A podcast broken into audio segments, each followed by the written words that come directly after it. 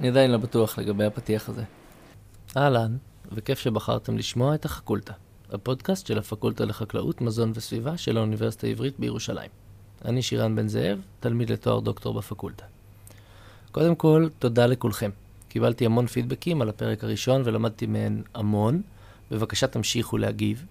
פתחתי גם דף פייסבוק וגם אתר די מזעזע לפודקאסט הזה, ויש גם מייל כמובן, ומאוד חשוב לי לשמוע מה אתן ואתם חושבות וחושבים. זה די מדהים לחשוב שיש מעל אלף אנשים שמעניין אותם העניין הזה מספיק כדי להקדיש לו זמן. אז תודה. ועכשיו, דמיינו רגע כיכר לחם. תחשבו רגע על מי שגידל, טחן, נפה, הסיע לסופר, סידר בסופר, בנה את האתר ממנו הזמנתם, הסיע את המשלוח אליכם, ועוד ועוד. כמה רחוקים אנחנו מהאוכל שלנו.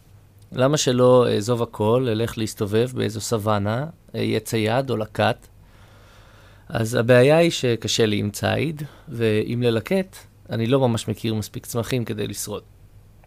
צמחים שאני כן מכיר, ברמה של, של לאכול, גדלים בשדות. פעם הם אולי גדלו בכל מיני מקומות, באופן טבעי, אבל היום אני לא מחפש בשדות, ואני כבר לא תלוי בגשם, ולא צריך בעצם להתעסק כל הזמן במה לאכול. אז יש לי זמן לעשות דוקטורט ופודקאסט. אה, איך זה קרה בעצם? אז פרק 2, המהפכה החקלאית, עם פרופסור שחל אבו מהמכון למדעי הצמח והגנטיקה בחקלאות שבפקולטה. אני אתחיל אולי ממקום לא צפוי. תחשבו רגע פיתה עם חומוס, אורז עם פולי סויה, תירס ושועית. הם רעבים כבר? הצמדים האלה שטעימים יחד, גם חולקים את אזור המקור שלהם. ביותר פירוט, פיתה וחומוס, או אם תרצו חיטת הדורום והחומוס, בויתו באזור דרום-מזרח טורקיה. אה, אורז וסויה בויתו במזרח הרחוק, תירס ושעועית במרכז אמריקה. אה, איך בייתו? מה בייט? בואו נחזור רגע אחורה. למעשה, אני אחזור ממש אחורה, מיליוני שנים אחורה. איפשהו נולד הפרט הראשון של מה שלימים יהיה הומו ספיאנס. הסבא של סבא של סבא של סבא שלי. זה קרה באפריקה, הוא התפצל מטיפוסי אה, הומנידים אחרים, והתחיל להסתובב. יותר חשוב, להסתובב, להיות רעב ולאכול. הסבא הזה של כולנו, ובעיקר למעשה הסבתא של כולנו, שאנחנו מעריכים שלא צעדה אלא לקטה, למדה להכיר ממש לעומק את הצמחים שהיא לקטה. איזה צמח טוב לכאבי בטן, איזה צמח עושה אותה שבעה להרבה זמן, לאיזה צמח יש פירות מתוקים, איזה צמח עושה את הכל מצחיק. ואם נקפוץ קדימה כמה מאות אלפי שנים, אז שבטים של בני אדם כמונו מסתובבים גם כאן, באזור של מזרח הים התיכון, וברגע מסוים, על סמך עדויות ארכיאולוגיות, הם מקבלים החלטה לעבור מסגנון חיים של ציידים לקטים לחברה חקלאית. וזה קורה מאוד מהר. צריך להגיד כאן שהדיון על ראשית החקלאות מלווה גם בפולמוס או ויכוח אקדמי, שבקווים כלליים מדבר על שתי אפשרויות. האחת, שאותה קצת קשה לי להציג בלי ציניות, היא שהיה רצף של אינטראקציה בין האדם לסביבה שלו, שבו בטעות או במקרה קיבלו בני אדם את ההזדמנות לשנות את כל מה שהם הכירו, כל אורחות חייהם, והם זרמו על זה. האפשרות השנייה היא שבמקום כלשהו, כאן סביבנו, יותר נכון באזור דרום-מזרח טורקיה, היה אירוע חד של ביות, שבו במכה אחת בייתו הרבה צמחים ותמכו את המעבר לחברה חקלאית, ואחר כך לכל מה שאנחנו מכירים, שהתפתח להיות החברה המערבית. אני מודה שהנושא הזה מדהים אותי, ואני ממש אוהב לחשוב ולקרוא עליו ולדבר עליו, אבל מומחה אני לא. מי כן מומחה? פרופסור שחל אבו. ולפני שתשמעו את הדברים של פרופסור אבו, בעצם שיחה שערכתי איתו, יש כמה מושגים שכדאי להכיר. אז ביות, בהקשר המדעי, הוא מלשון בית, ובעצם מדבר על העברה של צמח, או חיה, דרך אגב, לחיים בסמיכות לאדם, באופן שבדרך כלל גם מייצר תלות בין הצמח לבין האדם, בשביל המשכיות הדורות של הצמח. אה, מושג נוסף הוא הורה הבר, או הורה הבר המיידי, שהוא הצמח שאת הזרעים שלו לקחו הביתה לצורך הביות. הלבנט הוא האזור שלנו, המזרח הקרוב, שקרוב למערב. מורפולוגיה היא הצורה, המבנה של הצמח, צורת העלה והצמח כולו, ובעיקר אה, בהקשר של מה שמדובר כאן, הצורה של הפרח ושל החלקים השונים שלו.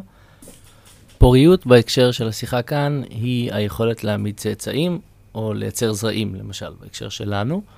ומיוזיס הוא שלב בחלוקת התא שבו כרומוזומים, שהם חלקים של הגנום, מאותו סוג נצמדים זה לזה אם הם מספיק דומים. עכשיו נעבור לשיחה עם פרופסור אבו. אני מתנצל מראש על איכות ההקלטה, וגם זה הוקלט בבוקר במכון למדעי הצמח בפקולטה, אז שומעים ברקע כל מיני אנשים שבדיוק בדרך החוצה עם הקפה שלהם. שלום לפרופסור שחל אבו, אה, ואני אתחיל מיד בשאלות שלנו. אנחנו גרים בישראל. סביבנו מכל עבר, בעונה הנכונה, גדלה שעורה באזורים מסוימים של ישראל, גם חיטה ואפונה שגדלים בבר. כשאנחנו רוצים להבדיל בין צמחי הבר, שאפשר לקרוא להם גם הורי הבר של הגידולים שלנו, לבין מה שגדל בשדות חקלאיים מודרניים, אנחנו מדברים על סינדרום הביוט. תוכל להסביר לנו או לתת דוגמה מה מרכיב את הסינדרום הזה? כן, אה, במונח סינדרום הביוט אה, הכוונה לאוסף של תסמינים, שזה משמעות המונח סינדרום, אוסף של תסמינים, תבחינים, שבעזרתם אפשר להבחין בין שני מצבים, במקרה הזה אנחנו מדברים על מצב של צמח בר לעומת צמח תרבותי. אה, נהוג להשתמש במונח הזה באופן מקובץ למשל למרבית גידולי הגרגירים ובדומה לזה לחלק אה, מעצי הפרי. אבל הגישה היותר נכונה לפי דעתי היא להתייחס לכל גידול ולתסמינים המיוחדים לו. אז למשל במקרה של חיטת הבר, השיבולת שלה מתפרקת וזאת הדרך של הצמח להפיץ את הדור הבא שלו כך שכל יחידה של השיבולת נושאת שתי זרע, שני זרעים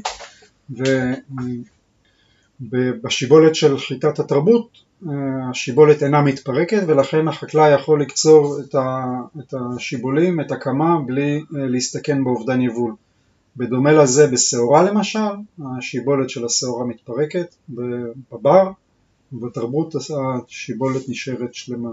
לעומת זה למשל בקטניות, תכונה הרבה יותר חשובה היא התרדמה של הזרעים, בעדשת בר, בחלצת בר, באפונת בר, אז הזרעים הם אינם נובטים אה, לאחר אה, הרטבה, כאשר בצמחי הבר, ולעומת זה בזני תרבות של אפונה, עדשה וחמצה, הזרעים סופחים מים בקלות ונובטים אה, תוך ימים ספורים מהרטבה. הסברתי בהקדמה לשיחה איתך בגדול את הבדלי הגישות בין רצף הביוט לבין אירוע הביוט היחיד. האם אתה יכול להסביר מדוע אנחנו בטוחים שזה באמת מה שקרה, ואיך נראה הגוף הראיות שתומך באירוע חד כזה? אוקיי, okay.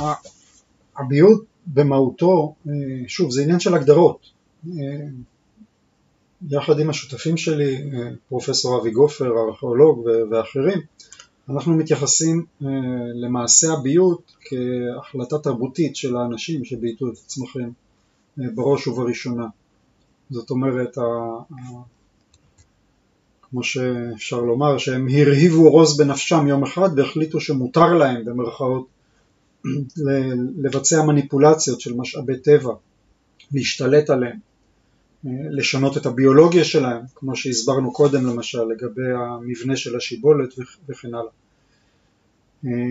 ובמיצר הארכיאולוגי באמת השרידים המבויתים, למשל שרידים ארכיאובוטניים של שיבולים בלתי מתפרקות, מופיעים בעיתוי מאוד מסוים, בתקופה שנקראת הנאוליט הקדם קרמי B בצפון הלבנט מעט אה, אה, יותר מוקדם מאשר באזור שלנו.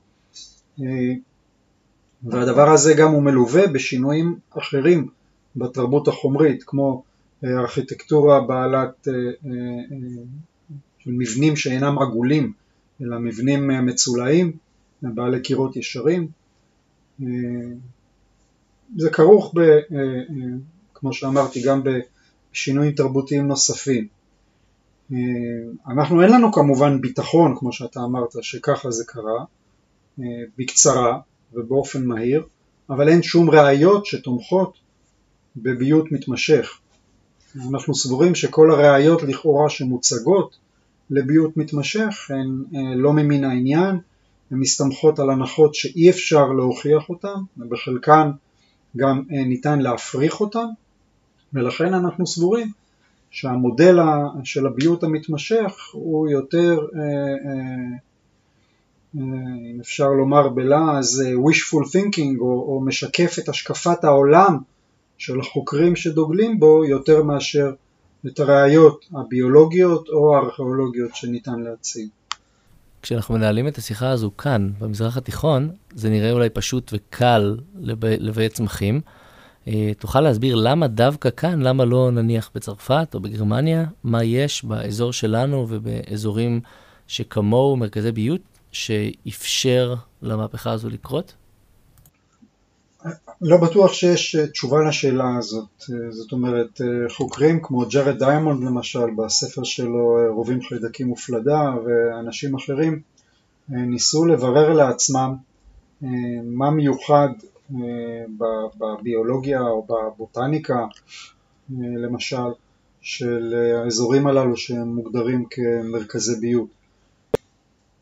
לכאורה קשה למצוא מאפיינים אה, זאת אומרת אה, צמחים בויתו גם באזורים טרופיים וגם באזורים שאינם טרופיים, למשל כמו באזור שלנו, האזור אה, של המזרח הקרוב. צמחים בויתו באזורים שיש בהם גשמי חורף, כמו באזור שלנו, ובאזורים שיש בהם גשמי קיץ, כמו, או שבהם הצמחים שבויתו הם לא צמחי חורף אלא צמחים של העונה החמה, כמו במזו אמריקה, למשל פלפל, דלאות, שועית ותירס שהם כולם צמחים של העונה החמה בניגוד לחיטה, שרורה ואפונה שלנו שהם צמחים של העונה הקרה. אז מה לכאורה המשותף לאזורים הללו? צמחים בויתו גם אה, בצפון אמריקה, נניח באזור קנטקי, צפון מזרח אמריקה, שזה בכלל אזור שהוא שונה מהותית מבחינת הגיאובוטניקה שלו מה, אה, מהאזור שלנו. אה, אני חושב שקשה לחקור ביות באירופה או באגן המערבי של הים התיכון פשוט מפני שכמעט ולא בויתו שם צמחים, בוודאי שזה לא, מרכז, לא נחשב מרכז ביות, הם קיבלו את מרבית צמחי התרבות שלהם מאזורים אחרים בעולם וכמו שאמרתי גם בתשובה לשאלה קודמת, אני חושב שמעשה הביות הוא היה בראש ובראשונה החלטה תרבותית ולכן אותם האנשים שהחליטו לשנות את תרבותם, את השקפת עולמם, את היחס שלהם לטבע, הם ניגשו לטבע שסובב אותם והם ביטאו את מה שיש מסביבם. זה שזה לא קרה באזורים אחרים זה לא אומר שהאנשים באזורים הללו היו טיפשים או שלא היו מסוגלים לחשוב על הדבר הזה או שלא היו אה, אה, צמחים מתאימים. זה פשוט אומר שהקדמונים שחיו באזורים הללו העדיפו לבחור התפתחות תרבותית מטיפוס אחר זאת אומרת שבה או שהם המשיכו להתקיים בשיווי משקל עם הסובב אותם כלקטים ציידים או שהם אה, בחרו שלא להשתלט על משאבי טבע מפני שהיה להם יחס אחר לטבע אה, שסובב אותם. אה, קלוד לוי שטראוס באחד הספרים שלו הדגים את הנתיבים התרבותיים הללו בצורה ציורית כאשר אתה נוסע ברכבת אה, ורואה רכבת שחולפת מולך אז אפשר לשים לב שהאחת נוסעת מהר והשנייה נוסעת יותר לאט אבל אם שתי הרכבות הללו נוסעות בצירים אה, צירים שהם ניצבים זה לזה אז לכל אחד מיושבי הרכבת השנייה נראה שהרכבת האחרת לא מתקדמת בכלל. ולכן זה לא נכון להשתמש במונחים שלנו של אה, מודלים לינאריים וזה גם הבעיה שלנו עם המודל של הביות המתמשך. זה לא נכון להשתמש במודלים כאלו של התפתחות לינארית מהקל אל הכבד, מהפשוט יותר למורכב יותר וכן הלאה גם למעשה של, של הביות כי אנחנו חושבים שהוא היה סוג של קפיצה, קפיצה מנטלית, קפיצה תרבותית אה, ו, אה, ולכן למעשה אי אפשר לענות על ה...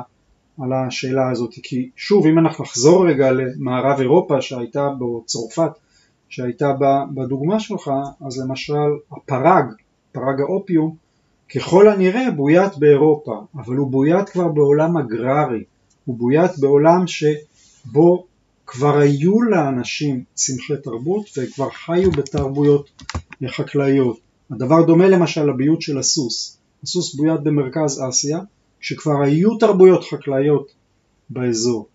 ולכן אנחנו לא מתייחסים לצמחים שבויתו נניח במערב אירופה כמו אולי אה, סלק הסוכר ומיני כרובים שונים וכן הלאה, זה לא מייצג אה, מרכז ביות תרבותי אותנטי, אלא ביות מאוחר יותר שמתרחש בעולם אגררי, כמו שלמשל אגרונומים אמריקאים בהתחלת המאה ה-20 מבייתים את המקדמיה, שהיא צמח שמוצאו מאוסטרליה, אבל העבודה הזאת נעשית בכלל בהוואי. כך שזה לא, הוואי היא לא מרכז אה, ביות של מקדמיה, למרות שבפועל זה קרה שם. אה, אוקיי, אז בהתחלה של הפרק הזה דיברתי על פיתה עם חומוס. אני יודע שאתה מכיר אישית את הסיפור של איך מצאו את הורי הבר של החומוס ושל עוד ארבעה גידולים שונים. תוכל לספר קצת איך מוצאים הורי בר, ויהיה לנו פרק שלם על השימוש של הורי הבר האלה עם פרופסור צבי פלג, אבל בגלל שאתה מכיר את זה במקור ראשון, אולי תוכל לספר איך מוצאים, איך יודעים שזה באמת הצמח, איך בודקים? ובכן, אה, אה, לגבי המציאה, נתחיל, מ, נתחיל מהחלק השני של השאלה. אם יש בידינו אה, גידול תרבותי, אנחנו יודעים לפי התסמינים הבוטניים, המורפולוגיה של אברי הרבייה שלו, של הפרחים, הפירות וכן הלאה, לשייך אותו לסוג כלשהו, נניח עדשים או שעורה או חומוס במקרה הזה. אז כמובן שהמינים האחרים בסוג הזה הופכים להיות המועמדים הטבעיים, אחד מהם לפחות, אה, להיות הורי הבר, טיפוס הבר שממנו הקדמונים גזרו את הטיפוס התרבותי, בעיטו סטוק מסוים של זרעים מאותו מין בר. אז ממה שאמרתי עד כה, אה, מובן קודם כל שאנחנו, כאשר יש לנו צמח אה, תרבות, אנחנו קודם כל צריכים לזהות אה, מין בר שיש לו מורפולוגיה מספיק דומה. מי שיפתח מגדיר צמחים, או מי שמכיר את הפרוצדורות של הגדרת צמחים, יודע שמגדירים צמחים לפי אברי הרבייה שלהם, זאת השיטה של לינאוס, השיוך למשפחה, לסוג, ובתוך הסוג למינים שונים או לקבוצות מינים. אז זה הצעד הראשון, אנחנו צריכים שיהיה בידינו טיפוס שהוא מספיק קרוב מהבחינה הזאת, הבחינה המורפולוגית. עכשיו ייתכן שיהיו שניים או שלושה כאלה. למשל בעדשים ההבדלים בין המינים הם מאוד דקים. אה, אה, זה גם צמח קטן אה, מטבעו. וגם בסוגים אחרים יש מספר מינים שיכולים להיות מועמדים מתאימים, למשל גם בחומוס יש לפחות שניים או שלושה מיני בר שיש להם זרע די גדול ומורפולוגיה דומה יחסית לטיפוס התרבותי. אז מה עושים בשלב הזה? בשלב הזה צריך לקחת אה, מספר אה, טיפוסים, אה, טיפוסי תרבות, מספר זני תרבות, ולהחליא אותם עם מיני הבר השונים, לגדל את הצאצאים מההכלאות הללו, ולבדוק האם צמחי המכלוא אותה סדרה של צמחי מכלוא בין טיפוסי התרבות למין א', בין טיפוסי התרבות למין ב', בין טיפוסי התרבות למין ג' וכן הלאה, האם הם פוריים, האם צמחי המכלוא הם פוריים, והאם הצאצאים שלהם, אחרי שהם עשו אה, אה, האבקה עצמית, האם הצאצאים שלהם הם אה, פוריים. בדרך כלל מה שקורה זה שבחלק מהצירופי ההחלאה מתקבלת רק פוריות חלקית, או שאנחנו לא מצליחים להחליא בכלל, ואז אם אין מצליחים לייצר צמחי מכלוא, אז כמובן שהמועמדות של המין הספציפי הזה אה, יורדת. אה, בסופו של דבר אנחנו צריכים להתרכז בטיפוסים שבהם צמחי המכלוא היו, אה, הראו פוריות מלאה, לנת... לראות, לבדוק את החיוניות של כושר העמדת הצאצאים גם בתורות הבאים. זה בדרך כלל תולדה של צימוד תקין של הקרומוזומים במיוזיס בזמן אה, החלוקות שמובילות ליצירת תאי המין. זאת אומרת, אם יש שינויים קרומוזומליים בין זן הבר ומין הבר וזני התרבות, אז זה יתבטא בפוריות חלקית של הצאצאים, צימוד לא מלא של קרומוזומים. אם הצימוד הוא מלא, בצירוף החלאה אחד והוא לא תקין בצירופי החלאה אחרים, אז יש, יש קרוב לוודאי שבזה נגמר הסיפור. אם עדיין אנחנו מצליחים, מקבלים כמה וכמה צירופים שבהם ניתן לקבל החלאה, אפשר ללכת לשיטות דיאגנוסטיות יותר מתקדמות, כמו למשל לבדוק את פרופיל חלבוני התשמורת בזרעים, אה, ואחר כך גם את אה, פרופיל השונות ברמת ה-DNA, אה, בדומה למה שקורה במבחני אבהות, בתביעות בענייני משפחה וכן הלאה. עד שאנחנו מגיעים לזיהוי הקרוב ביותר, או ל, ל, בין, בין טיפוסי הבר ו, וזני התרבות. לגבי החלק הראשון של השאלה, איך, איך מוצאים, אז יש הרבה דוגמאות, אחת הדוגמאות היא כמובן הדוגמה של אהרון אהרונסון, שהוזמן לגרמניה על ידי בוטנאים גרמנים שזיהו בתור גיליון הסבייה דוגמה של, או שיבולית בודדת שנראתה להם שלא שייכת לשעורה ודומה מורפולוגית לחיטה, זה מחזיר אותנו לעניין של הקריטריון של אברי הרבייה. והדוגמה הזאת הגיעה מאזור החרמון, מרש... ליד רשאיה.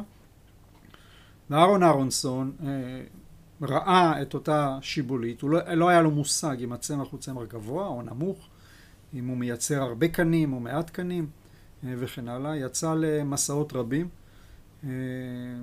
לקח כמה וח... לקח זמן עד שהוא זיהה את הצמח הראשון שמשך את עינו באזור ראש פינה. מאוחר יותר לימים הוא נוכח לדעת שהוא גם גדל לא רחוק מהבית שלו בכרמל. הוא היה בן זיכרון יעקב.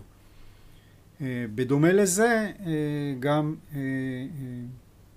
המורה שלי, פרופסור לדיז'ינסקי, זיהה לראשונה את הורי הבר של החמצה. מה שעמד לרשותו זאת המורפולוגיה של מספר מיני בר שהיו מוכרים וגם בעצם מגדיר שנכתב בהולנד, באנגלית, שתיאר את מיני הבר המוכרים בסוג חמצה. הוא ביצע הכלאות למשל עם המין הישראלי, הוא שמע מפרופסור מיכאל זוהרי בשנות ה-70 שככל הנראה המין הישראלי זה הורי הבר, כמו שתיארתי קודם, מיד התברר לו שאי אפשר להחליא את המין מין הבר שגדל בישראל, חמצת יהודה, עם חמצה תרבותית ולכן המועמדות של, של המין הזה, חמצת יהודה, ירדה מיד מעל הפרק. הוא נסע לטורקיה בעקבות דיווח של בוטנאי בריטי שמין מסוים שגדל במישורי הבזלת שמערבית לעיר דיארבקיר, בין אורפה לדיארבקיר, הוא כנראה הורה הבר של, של החומוס התרבותי. מין בעל זרעים גדולים ופרחים גדולים יחסית. הוא נסע לאזור, אסף זרעים והמשיך בעקבות הדיווח באותו ספר שהיה בידו שיצא בהוצאת האוניברסיטה של וכנינגן בהולנד מזרחה לכיוון מרדין. שם הוא מצא צמח עם מורפולוגיה דומה אבל בבית גידול אחר לחלוטין, בית גידול גירני, לא, לא בזלתי כמו באזור דיארבקיר. אסף גם ממנו דוגמת זרעים. חזר לארץ, ביצע הכלאות עם המין הראשון, שם הפוריות הייתה חלקית, ביצע הכלאות עם המין השני, שם הפוריות הייתה מלאה. השווה את פרופיל חלבוני התשמורת של שני הטיפוסים, וזה שזה נאסף באזור מרדין היה זהה לחלוטין לפרופיל חלבוני התשמורת של המין התרבותי, ובזה נגמר העניין. זאת אומרת, הצמח לא היה מוכר למדע קודם, מישהו ראה אותו באזור אבל לא היה לו, לא היו בידו זרעים בשלים, לכן הוא לא היה יכול לדעת שהמבנה של הזרע של המין שגדל באזורי הבזלת הוא שונה במעט מהקליפה החיצונית שלו מזה שגדל ב, ב, באזור הגירני של יד מרדין. הוא תיאר את זה כמין חדש למדע וזה בעצם הסיפור. בשלב הזה שאלתי את שחל מדוע לדעתו בכלל בייתו את החומוס כשאנחנו לוקחים בחשבון שהצמח הוא לא צמח יצרני מאוד, ולא נותן הרבה יבול, ולכן קשה להתבסס עליו בתור מקור עיקרי לחלבון, לצורך העניין. אמ, ולמה הוא חושב שלמרות זה, בני האדם עשו את המאמץ הגדול שדרוש לביות של חומוס, והכניסו אותו לתוך סל הגידולים המבויתים. בוא נאמר ככה, אפשר להעלות היפותזות שונות. בכלל, אה, כל הנושא של, אה, של בחירת מועמדים אה, לביות הוא, הוא שאלה גדולה. זאת אומרת, אפשר גם להרחיב את השאלה ולשאול אם חיטה זה גידול כל כך מוצלח והיא עושה לחם כל כך טוב, למה אנחנו זקוקים גם לשעורה? למה אנחנו זקוקים לשני מיני חיטה? אז אחת, ה, אחת ההשערות שלנו, כמובן אי אפשר להוכיח את זה, היא שהקדמונים אה, בחרו להם גם בין הדגנים וגם בין הקטניות אה, מספר מינים שמייצגים אה, מגוון של תאריכי הבשלה ומגוון של יכולת התמודדות עם תנאי סביבה כמו למשל מחסור במים וכן הלאה ולכן בהיעדר מה שנקרא ביטוח נזקי טבע שבוודאי לא היה אה, לפני עשרת אלפים שנה, זאת המצאה חדשה יחסית מה, מהעידן הנוכחי. אה, כאשר יש בידך מספר גידולים, זה כמו במשפט הידוע שאתה שם אה, ביצים יותר, ביותר מסל אחד, ואתה מבטח את עצמך כנגד אפשרויות שונות שיכולות להתרחש בשדה שלך. לגבי, ה, לגבי החמצה, העבודה שנעשתה במעבדה של פרופסור זוהר כרם הראתה שבחומוס תרבותי יש רמות גבוהות יחסית של טריפטופן שהיא חומצת אמינו חיונית קודם כל. ודבר שני היא חומר המוצא לסרוטונין שהוא נוירוטרנסמיטור שחיוני לתפקוד של, ה, של המוח שלנו. בלי סרוטונין או עם תזונה שהיא אה, אה, ענייה בטריפטופן ויכולה לגרום למחסור בסרוטונין אנשים גם יכולים להתאבד. נאמר את זה ככה בלי להיכנס יותר מדי לנושא הזה שזה לא מקצוע, לא המקצוע שלי. יש גם השלכות אה, אה, אה, להתנהגות וכן הלאה, לתכולת טריפטופן או לרמות הסרוטונין בגוף שלנו. זה משפיע על תפקוד, תפקוד חברתי של אנשים. התקופה הנאוליתית זה בא, התקופה שבה אנשים לומדים לחיות בחברות צפופות יותר. ולכן אנחנו חושבים שלמזון כזה, שהוא היה עתיר טריפטופן, הייתה לו חשיבות.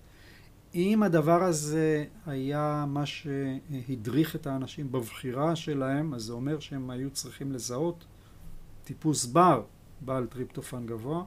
אין לנו הוכחות שכך זה היה. אה, אנחנו לא יודעים אם זה היה המדריך לבחירה. בכל מקרה בטוח ש... אה, זני תרבות יש כאלה שהם יותר עניים וכאלו שהם אה, יותר עשירים אה, בטריפטופן.